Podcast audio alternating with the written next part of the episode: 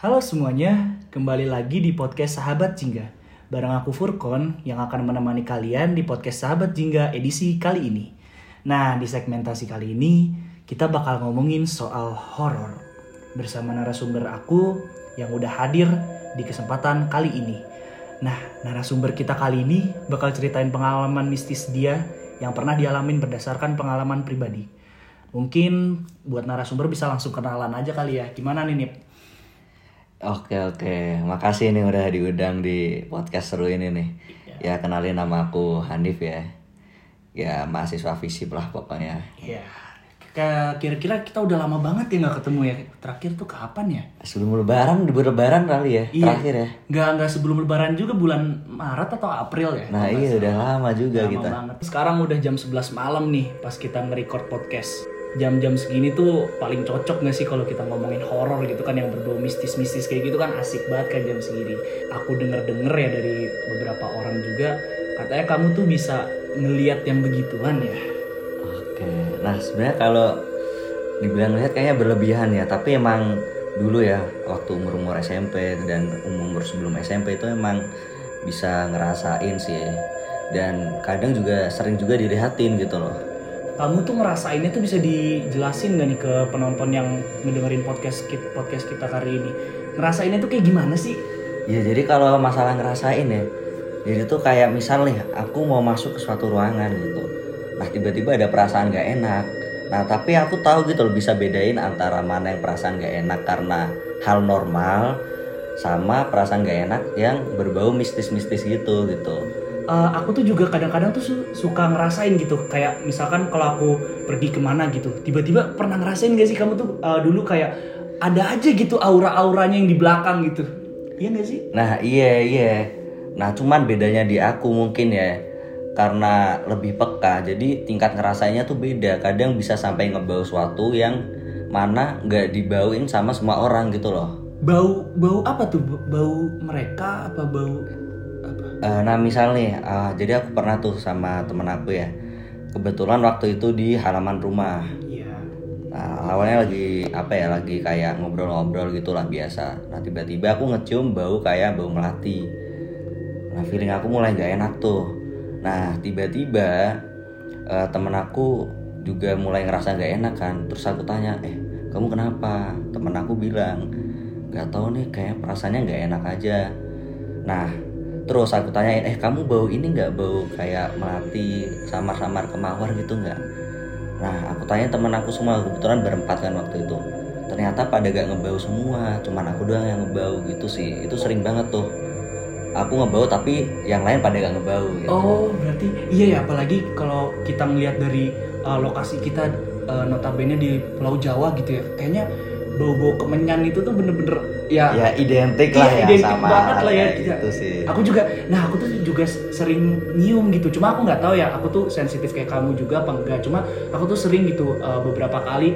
uh, Sebenarnya nggak di nggak di Jawa sini sih di tempat daerah asal aku di Bogor gitu. Cuma aku suka nyium aja gitu kayak bau bau kemenyan, bau melati juga atau bau bau ini tau nggak sih kayak gio yang orang orang Tiongkok gitu yang suka bakar itu. Oh, dupa itu kan ya. lupa. Iya. Iya, itu tuh bener-bener kayak suka suka aja gitu kecium di rumah aku. Itu makanya kayak ini ini apa aku doang yang nyium apa yang lain juga nyium gitu kan. Cuma eh, waktu itu tuh aku sempat dibilang kan sama orang-orang gitu kalau misalkan kita nyium bau-bau kayak gitu tuh jangan dibilang kan kayak udah diem aja gitu Iya, karena iya. takutnya mereka kesinggung gitu. Nah, cuma aku pengen tahu nih eh, kira-kira kalau dari kamu tuh bisa mulai sensitifnya itu dari kapan sih? Nah, kalau mulai dari kapan sih kurang tahu ya, tapi kata orang tua aku sendiri, sebenarnya aku dari bayi tuh udah udah bisa gitu eh, tahu-tahu hal hal kayak gitu. Dan kata orang sih emang wajar kan namanya anak kecil. Nah, tapi eh, setelah beranjak dewasa ternyata masih ada gitu loh. Oh, jadi apa itu gara-gara efek bawaan dari turunan atau emang bener-bener ya udah gitu? Eh, kalau turunan sih sebenarnya cuman ada satu anggota keluargaku yang bisa ngelihat sih itu itu pun eh, bude ya kalau nyebutnya di Jawa itu kakak dari ibu aku gitu cuman itu doang jadi kayak mungkin kalau keturunan enggak ya ya mungkin karena ya karunia Tuhan apa gimana juga Oh. kagak tahu sih Oh ya, tapi eh, mungkin aku sedikit cerita pengalaman pribadi aku ya. Jadi kayak aku tuh juga punya eh, kalau di daerah aku dibilang tante lah ya bukan bude. Oh, iya. Nah dia itu tuh jadi kan aku ada tuh rumah nenek tuh eh, di Jakarta gitu. Nah dan dia ini nih eh, kebetulan waktu itu tinggal sendiri kan di rumah nenek aku. Dia itu tuh eh, sering banget digangguin sama makhluk di situ. Dia sampai kayak apa ya?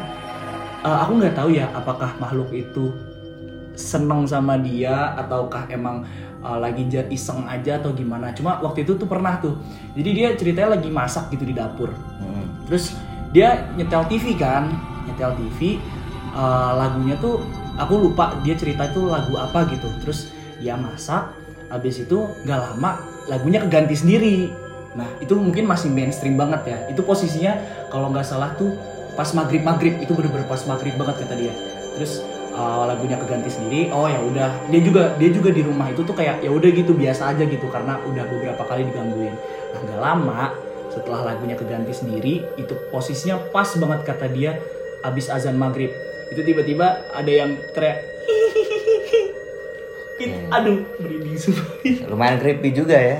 ya sumpah ini ini ini beneran ceritanya teh terus itu sekali itu kayak didimin tuh sama dia dia dia oh dia posisinya lagi nyuci piring tuh didimin dua kali tuh Iya. nah terus eh, pas ketiganya itu kan tante aku eh, namanya mbak Nak Nelly ya Iya. Eh, tante Nelly gitu tiba-tiba ada yang bilang mbak Nelly Buset, sampai manggil gitu ya. Iya, sumpah itu bener-bener posisinya kayak kayak gak sekali dua kali. Ada juga dia pernah tuh waktu itu. uh, oh dia lagi tidur. Eh ini bener-bener uh, ini bener-bener aku juga apa ya kayak percaya nggak percaya cuma karena tante aku yang ngalamin jadi percaya gitu jadi waktu itu tuh dia tidur gitu di kamar dia di kamar sebelah kamar tante aku itu emang posisinya tuh kayak taman kecil gitu ngerti gak sih Iya, taman iya. kecil cuma tamannya itu tuh bener-bener gelap gak ada lampu terus abis itu eh, banyak batunya gitu kan pokoknya eh, kayak taman-taman ya taman-taman yang terbengkalai gitu sih kalau dibilang agak enggak diurus gitu Iya, ya. nggak diurus gitu. Nah, terus pas dia lagi tidur, eh, jam berapa ya? Sekitar jam 1 atau jam 2 gitu. Tiba-tiba ada yang kayak "Shh, shh, shh," gitu kan. Hmm. Terus dia itu posisinya kata dia sadar nggak sadar. Eh, didiemin tuh sama dia, didiemin. Itu bener-bener kata dia setelah gak lama setelah itu badannya keangkat. Jadi bener-bener dia tidur di kasur nih, dia tidur di kasur, badannya keangkat. Dan dia ngerasa gitu. Dia dia langsung bangun kayak Langsung banget. terus dia dia kan astagfirullah astagfirullah astagfirullah gitu kan terus kayak terbang gitu kayak kayak film apa Insidious apa yang Insidious. bukan bukan Insidious yang tahu gak sih yang kata di, keangkat gitu dari kasur pernah Iya iya kan? pernah pernah emang ada sih film horor itu sih. iya kan Iya iya iya. makanya aku langsung kayak aduh dan apesnya lagi aku tidur di kamar itu jadi kan Iya. ah posisinya Apalagi ini kan vibes vibes rumah nenek tuh biasanya Aduh, serem iya, gitu kan. Itu bener-bener Iya. posi- uh, vibes vibes tahun 80-an, 90-an Iya, gitu kan iya. rumah-rumah jadul segala macem. Ya, mungkin itu sih sedikit uh, flashback pengalaman mistis aku. Nah, kalau dari kamu sendiri kira-kira ada nggak sih pengalaman-pengalaman mistis yang pernah kamu alamin gitu dalam hidup? Aku waktu SMA itu asrama gitu. Nah, jadi banyak tuh pengalaman-pengalaman ya tau lah ya image sekolah asrama itu ya banyak kejadian kayak gitu. Nah kebetulan aku pernah ngalamin. Apa tuh? Jadi waktu itu malam-malam kan biasa anak asrama lagi kumpul sama temen di kamar. Posisi waktu itu lagi dengerin lagu sambil cerita yang horor-horor gitu. Terus? Nah, terus suatu ketika aku pengen ke toilet tuh. Akhirnya ke toilet posisi pas itu ya sekitar jam setengah 12 lah. Udah malam berarti. Udah malam banget tuh. Aku ke toilet. Nah, selesai dari toilet, waktu mau balik kamar tiba-tiba ada kayak kepala yang nengok di pintu gitu. Jadi pintu tiba-tiba ada kepala nengok ke aku. Tapi itu kamu uh, beneran ngeliat, yakin ngeliat apa sugesti kamu doang? Nah, ini nanti ada lanjutannya Oke, nih. oke, Iya. lanjutin dulu aja. akhirnya udahlah aku cuekin aja pas itu kebetulan nengok doang habis itu hilang aja gitu loh aku balik ke kamar akhirnya lanjutlah cerita cerita gini gini gini singkat cerita kebetulan udah pada ngantuk kan akhirnya oke lah tidur nah tiba-tiba waktu mau tidur aku ketindihan Oke. oke ketindihan biasanya kalau aku ketindihan ya nggak tahu kenapa itu aku gampang banget ngelepasnya gitu loh mungkin kalau orang-orang lain kan kalau ketindihan Susah susah, gitu ya. gitu, kan kayak kaku waktu aku mulai ngerasa ketindihan mau aku lepas aku melek tiba-tiba langsung ada muka cewek di depan aku gitu loh Oh. nah setelah setelah aku ingat-ingat itu muka cewek yang nengok waktu aku balik dari toilet Oh, kepala. doang. iya waktu itu kepalanya doang yang kelihatan karena posisi melek kan. Nah itu pas tuh di depan muka. Oh, itu kamu udah sadar? udah sadar. Oke. udah sadar. Dan abis itu dia ngilang gitu aja. Abis itu ketindihannya lepas. Nah terus aku lihat temen asrama aku yang lain kan kebetulan kasurnya sebelahan kan. Hmm. nah itu tuh dia kayak ngerasa ini loh tahu nggak sih kayak orang mimpi buruk kan? Ekspresinya kelihatan kan? Iya, iya. kayak tidurnya nggak tenang gitu akhirnya aku bangunin. Eh kenapa tih kebetulan so, eh, nama dia Fatih. Iya. eh kenapa tih Eh, kamu mimpi buruk apa gimana gitu. Terus dia bilang eh Nip eh, kamu ini nggak eh, ngelihat kayak cewek gitu nggak? Oke. waktu ya waktu tadi kamu ke toilet gitu ngelihat nggak? Terus aku bilang iya aku lihat. Emang kenapa? Bahkan waktu tadi aku mau tidur terus sebenarnya ketindihan nah itu nih nah si Fatih bilang nah itu nih aku waktu tidur dimimpiin sama si cewek itu. Oh, kalau aku melihatnya ya itu eh, mukanya agak hancur terus dia pakai pakaian warna putih. Si Fatih bilang gitu. Nah terus aku ingat-ingat lagi kejadiannya waktu habis dari toilet. Itu kebetulan kelihatan kepala sama kelihatan bajunya dikit kan? Eh, iya mukanya emang agak hancur dan pakai baju putih terus aku ingat-ingat lagi waktu lepas dari ketindihan dan mukanya emang agak hancur nah jadi itu aku langsung ngerasa ih berarti yang lihat karena yang lihat gak aku doang berarti itu emang real gitu loh tapi bisa sama gitu ya? bisa maksudnya? sama Wah, bener-bener itu. ah, nah tapi ini ada lanjutannya lagi nih Iya, kenapa? waktu paginya kebetulan itu ada teman asrama aku yang lain yang kebetulan waktu malam itu ikut cerita cerita Hmm. Nah paginya dia bilang eh Nip eh, sorry nek. Di kamarmu tadi malam ada yang ini gak sih? Ada yang ketawa-ketawa. Gitu. Oh, nah gitu kan. Jadi itu dalam semalam bener-bener dia neror itu ya? Iya, neror anak-anak yang semalam ikut cerita horor itu gitu loh. Oh, oke. Mungkin karena dia nggak suka kali ya atau Iya mungkin dia keganggu kali ya gitu sih. Oh, waduh. Rinding juga ya buat didengerin. Nah, terus eh, selain cerita itu gitu, di, di asrama kan emang tadi kamu juga bilang katanya banyak banget nih orang-orang yang eh, yang pernah aku cerit yang pernah aku tanyain juga kan asrama nih kayaknya emang bener-bener sarangnya mungkin bisa dibilang sarangnya mereka gitu ya kira-kira ada lagi nggak sih Oke, kalau buat asrama, oh ada lagi, ada lagi. ya apa tuh Jadi mungkin eh, banyak orang tuh yang pernah ngelihat eh, sosok dari temannya tapi itu bukan temannya gitu. oh Pernah nggak kayak gitu kamu kan?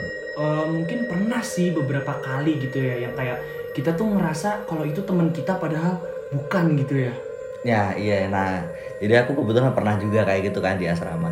Ceritanya tapi waktu itu siang-siang gitu loh. oh siang-siang Iya, dan yang ngala, yang ngebuktiin kalau itu emang bukan temen aku tuh ada banyak orang. oh gimana tuh Ya, jadi ceritanya kan dulu waktu di asrama ya, itu jam ambil makan siang itu habis sholat zuhur. ya Waktu itu aku di dalam asrama eh, sama temen aku mau janjian mau ngambil makan bareng di dapur gitu. Hmm. Nah, nah, waktu itu namanya Ahyar. Ahyar, ayo kita ambil makan yuk udah jam segini nih keburu jam pelajaran lagi gitu kan. ya Nah akhirnya aku ngambil makan lah itu berjalan sama dia dari asrama ke dapur gitu. Waktu jalan ke dapur sih nggak ada yang aneh ya jujur aja gitu. Waktu kan udah tuh ngambil makan mau balik ke asrama lagi. ya Nah tiba-tiba waktu di tengah jalan aku kan ketemu sama temen aku yang lain kan. Aku disapa, eh Nip, eh, gimana kita mau ke kantin dulu nggak nih? iya Beli-. Iya, mau kantin dulu gak nih?